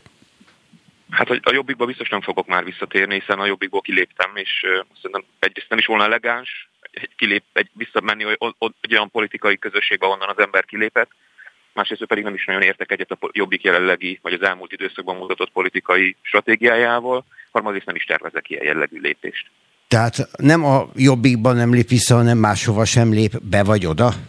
Ezzel ezt mondta? Egyelő, egyelőre én nem látom az esélyét annak, meg, a, meg, a, meg a, ahogy mondtam, most nem is ennek van az ideje, hogy újabb politikai közösségek jöjjenek létre. Szerintem most értékelni kell azt, hogy Magyarországon mi történt, nem alaposan át kell gondolni, és utána kell minden ilyen jellegű kérdésben döntést hozni. Volna Gábor, köszönöm, hogy rendelkezésünkre állt. Szép köszönöm napot kívánok, viszont hallásra. Spirit FM 92.9 A nagyváros hangja Hétfőn találkozott Putyin orosz elnök és Karl Nehammer osztrák kancellár Oroszországban. A kancellár vasárnap Kijevben Zelenszkijel is tanácskozott. Nehammer ENSZ vizsgálatot kért a bucsai civilek tömeges meggyilkolásával kapcsolatban. Mindeközben hatalmas csatára készülnek az oroszok és az ukránok is a Donetsz medencében. Putyin új parancsnokot nevezett ki az Ukrajna elleni invázió élére. A vonalban Demko Attila biztonságpolitikai szakértő. Jó reggelt kívánok! Jó reggelt kívánok! 50-60 ezres friss erő összevonásáról beszélnek Harkiv környékén. Ez gyakorlatilag egy ilyen második világháború méretű hatalmas ütközetet vetít elő. Nagyjából jó is ez a kép így? Hát az túlzás, hogy második világháború méretű, tehát ha megnézzük akár a Doni áttörést, ott egy 200 ezeres magyar haderő ellen lépett fel a szovjet hadsereg, tehát ezek a hadseregek azért létszámba kisebbek a második világháborús szembenéző hadseregeknél, azoknál a hadseregeknél, amik egyébként ebben a térségben néztek szembe nagyon sokszor. Ugye ez alapvetően a nagy német Harkov, ugye három nagy harkovi csata is volt. Azt mondanám, hogy kisebbek, de rendkívül intenzív háború. Tehát ez nagyon intenzív, az intenzivitása az, az második világháborús ami egészen elképesztő, mert hát hiszen a civil lakosság ott is rengeteget szenvedett, és hát itt is a jelek szerint városi harcok lesznek. Másképp Harkovot nagyon nehéz lesz elfoglalni. Az egy másfél milliós nagyváros. Hogyha Mariupult példának vesszük, erre számíthatnak az oroszok ott is? Szerintem meg se próbálják Harkovot, tehát az, hogy Harkov közelébe gyülekezik ez a haderő, az nem azt jelenti, hogy Harkovnál fogják bevetni. Ha Harkovot megpróbálják, akkor elvesztették ezt a háborút. Tehát én ezért ezt nem tartom valószínűnek, amit tesznek ezzel a haderővel, ugye újra szervezik, mert ugye jelentős veszteségeket eh, szenvedett ez el, és valószínűleg a, a Doni csoportosítás hátába fogják bevetni. Az oroszok eh, el akarják kerülni azokat a stratégiai hibákat, amiket eddig elkövettek, akkor nem is Szlovjansk, Klamatorsk ostromára rendezkednek be, hanem megpróbálnak a nagyobb, ezek 150-200 ezeres városok, ezeket a városokat megkerülve nyugatról elvágni Horlivka irányába az ukrán csoportosítást. Tehát én inkább ezt látom, nem látom azt, hogy Harkovot megtámadnák. Persze az orosz, orosz racionalitás nem volt túl erős eddig ebbe a háborúba, de szerintem ez a haditerv, hogy, hogy a keleti ukrán csoportosítást semmisítsék meg. Ha már a racionalitás szót használta, maga a háború, tehát az, hogy ez egy gyorsan megnyerhető háború, így most ezzel a tudással, ami nekünk rendelkezésünkre áll már, ez egy teljesen irracionális elképzelés volt? Hát ugye nem látjuk azt, hogy milyen, milyen pucs előkészületek voltak, tehát azért az valószínű, hogy valamit az oroszok próbáltak, tehát hogy Kievben legyen egy pucs, a pucsistákat megtámogatják gyorsan, ugye Hostomelből, egy repülőtérről, amit elfoglaltak közel, és akkor tényleg, tényleg gyorsan átvehették volna az uralmat. Ugye, hogyha az ukrán rendszerben nincs főparancsnok, vagy a főparancsnok úgymond orosz oldalon áll, akkor már zavar támad. De ez nem sikerült, valószínűleg azért nem, mert az ukránokat alapvetően nagyon jól tájékoztatták az amerikaiak arról, hogy mi várható. Igen, hát azt lehet látni, azt lehet mondani, hogy az oroszoknak egy hét után látniuk kellett volna, hogy a kievelni támadás nem megy. Ehhez képest egy hónapig, vagy több mint egy hónapig próbálkoztak a egyrészt rettenetes pusztítást hagyva maguk mögött, másrészt a saját erőiket is nagyon meggyengítve. Ezért mondom, hogy nem volt eddig ez az orosz orosz invázió, hát ugye maga a háború se racionális, tehát, tehát ezen, ezen Oroszország majdnem annyit fog veszíteni hosszú távon, mint Ukrajna, de a háború lefolytatása, tehát a hadvezetése volt eddig racionális. Most azt látom, hogy racionálisan arra próbálnak ott próbálnak áttörést elérni, ahol erre van lehetőség. Hogy lehet béketárgyalásban bízni olyan előzmények után, amiket Ukrajna elszenvedett a rettenetes pusztításra, úgy emberi erőben, mint ahogy az épített környezetre tekintünk. Szóval, hogy ki fogott leülni, tárgyalni jó szándékkal a másik szemébe nézve, és ki fog bízni a másikban? Szerintem senki. Tehát a béketárgyalások le is kerültek a napirendről.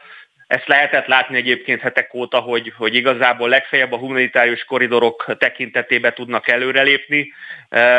Nem hiszem, hogy ennek a háborúnak gyors lezárása lesz abban a tekintetben, hogy mind a két fél elfogadja a békét és aláírják. Láttunk olyan háborúkat, amik évtizedekig elhúzódnak, lehet, hogy, lehet, hogy nem lesznek harci cselekmények folyamatosan, de hogy a Ukrajna Ukrajna addig amíg, addig, amíg ellen tud állni, ezt nem írja alá, tehát nem írja alá területeinek elvesztését, az igen valószínű. Ukrajna pedig addig tud ellenállni, ha jól gondolom, amíg fegyverhez jut a világból. Ugye Zelenszky nem véletlenül kér Dél-Koreától Brazíliáig mindenhonnan fegyvereket, akikkel csak kapcsolatot tud létesíteni. El tudja tartani a világ ilyen módon az ukrán ellenállást? Szerintem nem. Tehát ha megnézzük, hogy milyen fegyvereket kap most Ukrajna, most mondom a szlovák példát, csak hogy nézzünk a hírek mögé. Megkapták a szlovák S-300-as rendszert, ez nagyon szépnek tűnik, 10 darab rakétával. Tehát 10 darab rakétát tud indítani ez a rendszer. Ráadásul egy teljes, ezek a rakéták is kifutóak, ugye minden egyes rakétának megvan az üzemideje, úgy, ahogy egyébként a repülőgépeknek is, tehát ki tudja, hogy ez milyen, milyen képességű rendszer. Én azt hallottam, hogy egy egy valódi S300-ashoz képest azért ez, ez nem tud már túl sokat. Se hatótávolságban, meg ahogy mondom, a rakéták száma is rendkívül alacsony. Ugyanezt el lehet mondani a brit segélyről, ugyanezt el, tehát védekező helyzetben a Javelinek, a, a, a repülőgépek lelövésére alkalmas rövid hatótávolságú rakéták, persze jók, de ezzel Ukrajna nem tudja visszafoglalni az elveszett területeit. Olyan fegyverrendszereket meg alig ha kaphat, mert egy, egy harckocsira, egy komolyabb fegyverrendszerre hónapokban tart a kiképzés, a hónapok, hónapjai meg nincsenek Ukrajnának.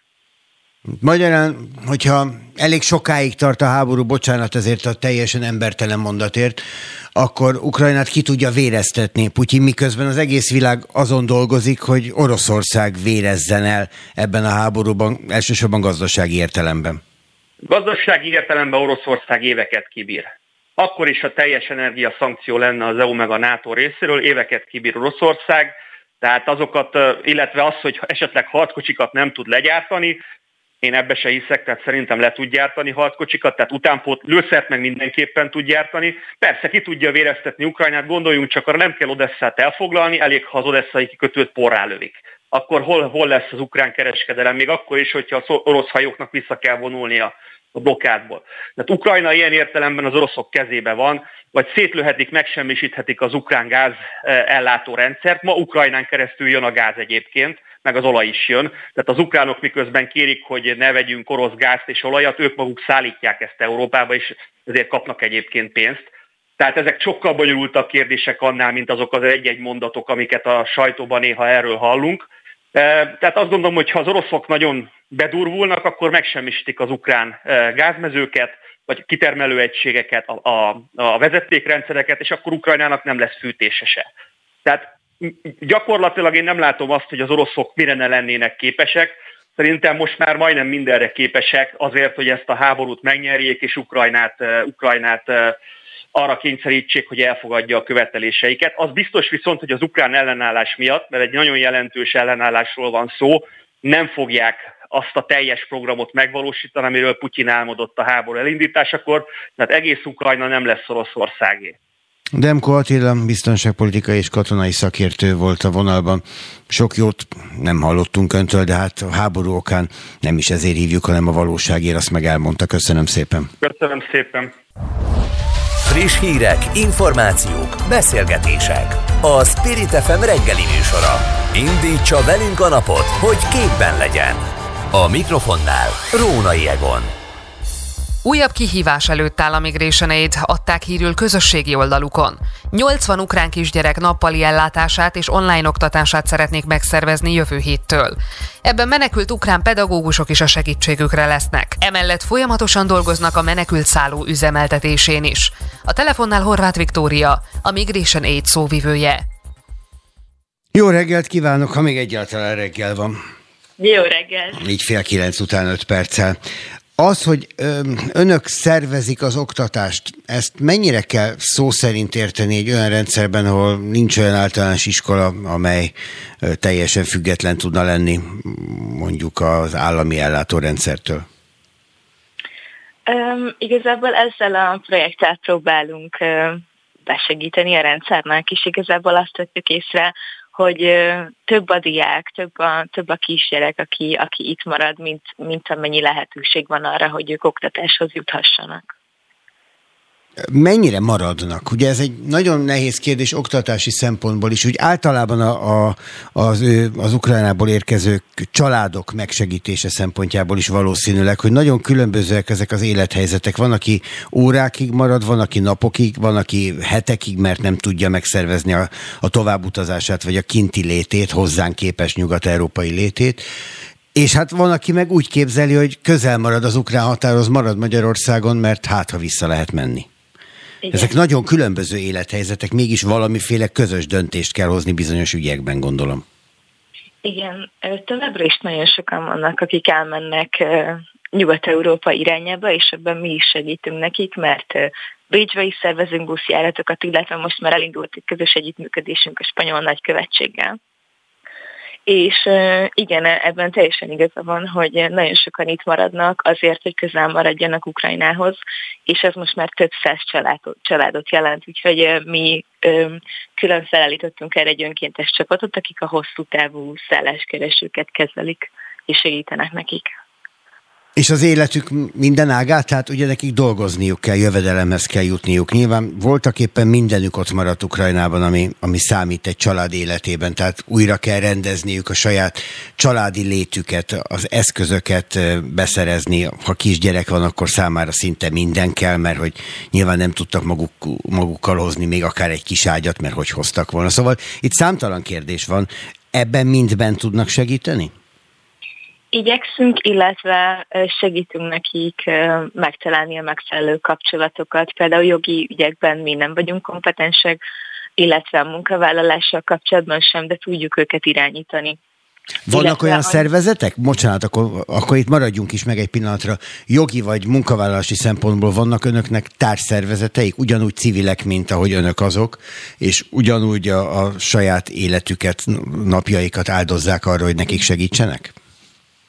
A Magyar Helsinki Bizottsággal vagyunk kapcsolatban, tehát oda szoktuk őket jogi dolgokkal irányítani, illetve a menedék az, akik a, a munkavállaláson segítenek. Most már egyébként létrehoztunk egy mentorprogramot, szóval minden családnak szeretnénk biztosítani egy önkéntes mentort, aki segít, hogyha, tehát hogy minden, minden ügyes dologban segít.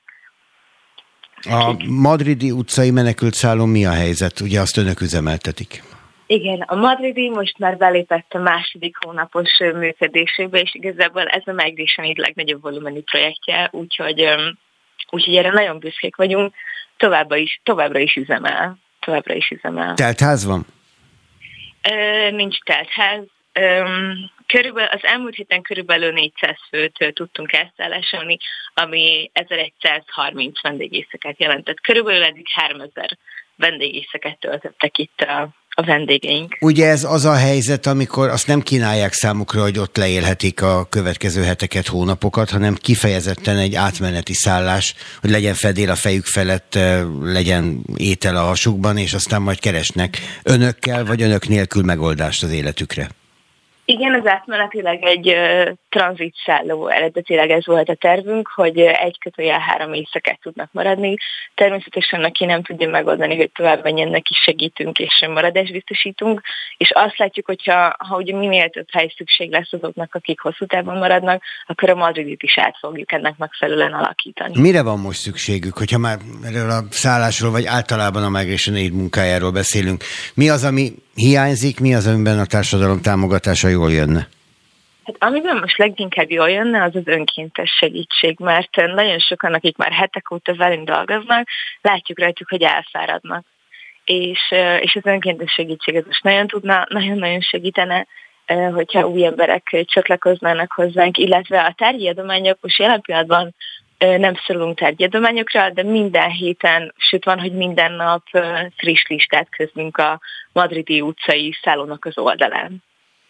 Mind, minden nap érkezik egy kormányzati jelentés arról, hogy hányan lépték át a magyar határt ukrán vagy a román határátlépőkön ukrajnai menekültek. Önök hogy látják, csappan a létszám, vagy ez egy változatlanul meglévő erős nyomás az ellátórendszeren? Úgy látjuk, hogy körülbelül, vagy hát körülbelül 10 ezer fő jön be Magyarországra napi szinten, és hogyha jól tudjuk, akkor kb. ezer fő jut el a bokba. És nem, nem tudjuk, hogy a többi ember hova lesz. Nagyon, sokan, nagyon sokakat már a határnál felvesznek, elszállásolnak, kivisznek esetleg külföldre, viszont meg nagyon sokan jönnek autókkal, de annyira meg nem nőtt meg az a autós forgalom, hogy ezt a plusz nem tudom, 3000 autót ne vettük volna észre az autópályákon, szóval nem, nem tudjuk azt, hogy, hogy az emberek merre vannak. Tehát, hogy ezer ember ér be a bukba. Hm, érdekes ez, és furcsa helyzet. Ez reméljük, hogy célokkal érkeznek, és azt a célt el is érik Nyugat-Európában. Érkezett egy vonat, ha hírek szerint Németországból. Önöket keresték, még ilyen hírek is jöttek. Önökkel kerestek kapcsolatot, hogy ezt a vonatot Záhonyból hogy lehet megtölteni menekültekkel és elvinni Németországig. Ez egy sikeres akció volt? Um, Erről most nem tudok részleteket mondani. Jó, hát akkor pont annyira meglepte, mint ahogy engem, amikor ezt hallottam, hogy egy komplet vonat érkezik, hogy vigyen menekülteket. De hát lehetséges, hogy ez is egy szervezett és jól szervezett akció volt. Köszönöm, hogy a rendelkezésünkre állt. Igazából az oktatásról kérdeztem volna, és akkor ezt nem is engedném el még egy utolsó kérdés erejéig. E, azok a gyerekek, akiknek az oktatását szervezik, azok zárt ukrán osztályként működhetnének együtt, vagy pedig e, elhelyezik őket különböző tanít intézmények különböző magyar osztályaiba? Nem, itt mi szervezzük meg ezt az iskolát.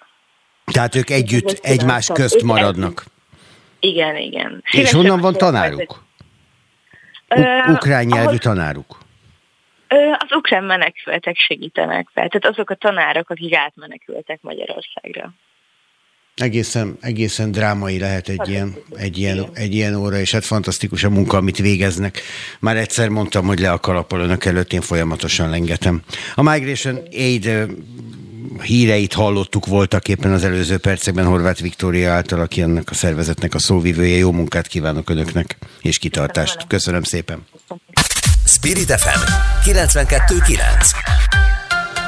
A nagyváros hangja a Sopron Basket első magyar csapatként megnyerte a női kosárlabda Euróligát a vasárnapi fináléban. 60-55-re legyőzték a házigazdát. A 14-szeres magyar bajnok csapatnak ez az ötödik Final Fourja. 2018 után másodszor jutottak a fináléba. A meccset Isztambulban tartották, csak nem 9500 szurkoló előtt. A vonalban Török Zoltán klubigazgató. 9500 szurkoló előtt, abból 500 magyar volt, aki könnyes szemmel állt a végén, 9000 török pedig dacosan nézett a parketre, és megtapsolta a törököket, a, tö- a magyarokat. Török Zoltán a vonalban, mi nagyon régen ismerjük egymást, engedelmükkel tegeződni fogunk. Gratulálok, Zoli, szia! Köszönjük szépen, Egon, szia! Azt gondolom, hogy amit elértetek, az a magyar klubsportnak, labdajátéksportoknak az egyik legnagyobb történelmi eredménye. Final Four kosárlabdában magyar csapat soha nem nyert még, és hát ti ezt úgy nyertétek meg, hogy soha ellenfél nem vezetett ellenetek a négyes döntőben, ami hát egészen elképesztő. Igen, azt hiszem, hogy ez az utóbbi említésed, ez a, ez a tényadat, talán jól jellemzi azt, hogy mennyire összeszedett volt, mennyire bátor volt, és mekkora hittel játszott a Sopron ezen a hétvégén. Ugye azt szokták mondani, hogy a, a jó ló az a derbi napján fut igazán nagyot. Nos, ez volt igazán jellemző ránk ezen a hétvégén. Ez nem tud mindig sikerülni, nem tudja az ember mindig minden időpillanatban, minden mérkőzésen azt megtenni, ami a Sopronnál ezen a hétvégén összeállt történetesen, hogy a játékosok valamennyie és a szakmai stáb a mentális tudásának a maximumát tudta nyújtani, és együttesen, ahogy összeadódott ez a hatalmas nagy energia, ez okozhatta ezt a hatalmas nagy meglepetést, hogy Törökországban ilyen körülmények között nyerni tudjunk. Van egy fiatal edződ, akinek a kinevezése, amikor ez megtörtént három évvel ezelőtt, akkor sokak számára meglepetés volt. Én azt gondolom, hogy Gáspár Dávid megmutatta azt, hogy ez nem életkor, hanem tudás, hozzáállás, munka függvénye, hogy az ember hova érhet el edzőként egy ilyen csapat élén. És vannak olyan játékosaid, akik Európa, sőt világszintű klasszisuk, klasszisok. Fegyverneki Zsófit azért említem, mert az én szívemhez is közel áll, és az, hogy ő 37 éves korában ilyen módon volt egy Euróliga győztes csapat motorja, azért az is eléggé példanélküli. Igen, a csapat építése az nem egy egyéves, nem egy két éves folyamat, erre látunk példát szerte a világban különböző csapatjátékokban, ahol klubok, legyen szó férfi kosárlabdáról, labdarúgásról, kézilabdáról, de női kosárlabdában is jó néhány példa van erre, akár egy vagy két év alatt szeretnék elérni a sikert, szeretnének, ha csúnyán fogalmazok, pénzzel megvásárolni egy nagy eredményt. Most mi azt hiszem, hogy arra hoztunk egy jó példát, hogy egy fiatal edző kiválasztása, mellette való kitartás, ha szabad így fogalmaznom, az ő útjának az egyengetése, kicsit talán mondhatom azt is, hogy mentorálása, vagy egy olyan fantasztikus egyéniségnek talán azt mondhatom, hogy az egész magyar női sportnak valamennyi sportágat figyelembe véve az egyik legnagyobb alakja fegyverneki Zsófia, hogy köré egy olyan csapatot lehessen építeni, mert ő méltó rá és alkalmas arra, hogy ezt a vezérszerepet be tudja tölteni. Most igen, ezek olyan adalékok és olyan nagyon fontos elemei a, a Sopron sikerének, vagy a mi, a, a mi sikerünknek, amelyek eh, különösen büszkévé tesznek engem, hiszen nem eh, nem egy pillanat műve, hanem sokkal inkább egy tudatos építkezésnek, egy szisztematikus munkának a végere. Zoli, neked ebben személyesen, és akkor nézzük talán egy kicsikét ezt a részét is. 25 éved van egy álmot valósítottál meg, nyilvánvalóan először a saját álmodat, aztán már egy város álmát, hogy idáig eljussatok. Ez volt a negyedik Final Four egymás után, és hát gyakorlatilag egyfajta oszlop a Sopron a magyar labdajáték sportban, a női kosárlabdában meg teljesen egyértelműen. A 25 év végig futott rajtad az elmúlt mondjuk 48 órában? 27 év, hogyha nem vagyok nagyképű és megengedett, hogy Bocsáss meg. Um, azért futott végig, mert uh, ugye ezek a pillanatok arra is jók, hogy az ember múltjából olyan emberek is uh, előkerüljenek, olyan emberek is felvillanjanak, akik, uh, akik egy picit talán feledésben merültek, hiszen nagyon-nagyon sok emberrel kerül az ember kapcsolatba, akikkel közös nagy sikereket ért meg, és még mindig nem sikerült a telefonomon véglegesen feldolgozni azt az üzenetmennyiséget, amit kaptam, de azoknak az embereknek a személyiségén keresztül, akikkel én kapcsolatba kerültem az elmúlt 27 évben, és az ő üzeneteiken keresztül igen, végig villog itt a fejem előtt, végig pereg a, a, a, a szemem előtt ez a 27 év, és ez nagyon jó érzés. Van neked egy saját csapatod, Hollós Anna, Molnár Balázs, Pados Noel, és nyilván ezt a névsort, ezt hosszan lehet sorolni, akik jobban, rosszban, nehézségekben, elvesztett meccsek során, megnyert óriási sikerek alatt mindvégig veled voltak, és akkor is vitték a csapatot, amikor neked magadnak volt nehézséged, amire én most külön nem térnék ki, de arra, hogy te felépítettél egy rendszert, ami veled és nélküled is bizonyos időszakban képes működni, én azt gondolom, ez a siker titka. Te hogy látod ezt? Te miben látod a titkot? Én csapatjátékos vagyok, eh, és én a közösség erejében hiszek. Az én eh, az én filozófiám az, az, a, az a közösségépítés.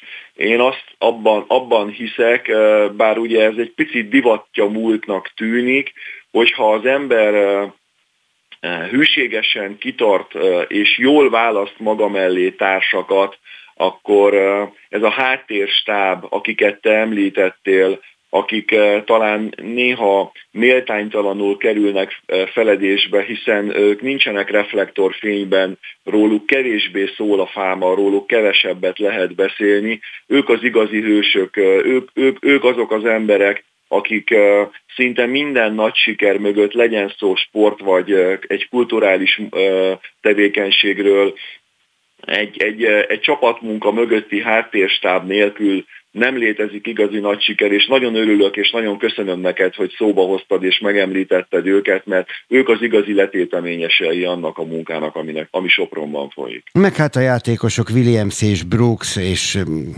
Határ Bernadett, vagy éppen Dawson a WNBA győztes cserejátékos a Határ Bernadettnek, ami szintén egy nagy szó, hogy egy magyar válogatott játékos ezt ki tudja vívni egy Euroliga győztes csapatban. És most már ki lehet mondani, hogy a Sopron egy Euroliga győztes csapat. Török Zoltán, gratulálok, és köszönöm szépen, hogy a rendelkezésünkre álltál. Add át jó kívánságunkat az egész csapatnak, kérlek. Köszönöm szépen a beszélgetést, minden jót neked. Szia Zoli, szia! Szia! Én itt nyomkodok gombokat. Spirit FM 92.9 A nagyváros hangja És hát elég nehezen indult el a gomnyomás után a számítógép, de elindult, és ez azért jó hír, mert Dézsi Zoltán itt van velem szemben. Ez meg azt jelenti, hogy lesz műsor 9 óra után is, a hírek után is, mert megjöttél. Szia Zoli! Szia, jó reggel! Természetesen kezdődik, mint minden hétköznap a Bistró 9-től 11-ig. Mielőtt elmondanám, hogy mi minden lesz benne, elmondom, hogy én imádtam, hogy te annak idején a kosárlabda meccseket közvetítetted. Jaj, jaj. Talán ennyi udvarlás belefér így kora reggel. Ez nem rólam szól, de, de nekem egyébként nagyon nagy öröm a Soproniak győzelme, mint ahogy a pécsieknek is szurkoltam minden egyes ilyen négyes döntőben. Én úgy gondolom, hogy, hogy ez a két csapat, illetve ez az elmúlt negyed század a magyar női kosárlabdában, ez majd egyszer aranykorként lesz emlegetve, akkor is, hogyha a válogatott nem feltétlenül szerepelt mindig úgy. Na, legyen, ez így, bezárva. legyen így, és éljük meg. Szóval, hogy mi minden lesz, ugye van egy nagyon nagy ünnep ma, ma ünnepeljük a Rock and Roll születésnapját, ami, mint tudjuk Pajor Tamástól is, nem egy tánc. Úgyhogy olyan emberek szólalnak majd meg, mint a Mystery Gang front embere, aki egyébként elindult már, én elárom egy tegnap délután rögzített beszélgetés, mert hogy Egri Pétert Los Angelesbe hívták, mert hogy Jerry Lee Lewis-zal fog játszani, ami ez önmagában sem semmi. Aztán itt lesz Nagy Feró is velünk, aki ugye az öreg rocker, és ígérem, hogy politikáról ma vele nem fogok beszélni, csak zenéről, rockerségről. Hogy koponya rugdosás lesz, azt még nem tudom, ugye a legendák szerint Azt már fiatal korában ilyen is csinált. Igen, abszolút. Aztán lesz még egy olyan úriember, aki kollégád, és biztos, hogy jól ismered, és ma ünnepli a 75. születésnapját, Boros Lajos. Mi van vele? Gyógyult-e már, jobban van-e? Lajos, Isten éltessen.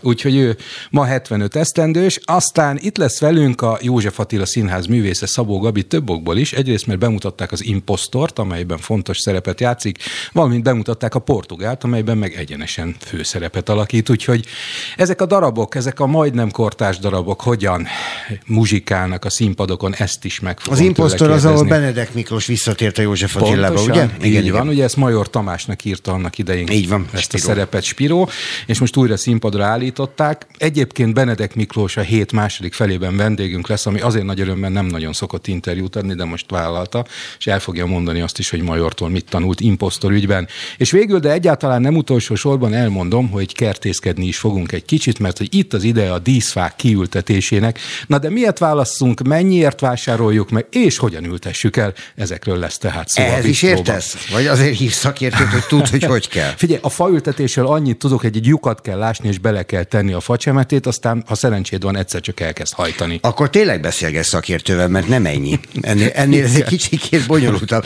Mondjuk hozzáteszem, hogy én is ilyen hájokovás módján csinálok minden ilyesmit. Néha sikerül. Abszolút. Egyébként faültetést élőben utoljára akkor láttam, amikor az MTK vizit telepén szegény Vihman Tamás ültetett fát, még az olimpi- MTK olimpiai bajnokainak tiszteletére, és az a fa egyébként ott a vizitelepen azóta szépen kihajtott már.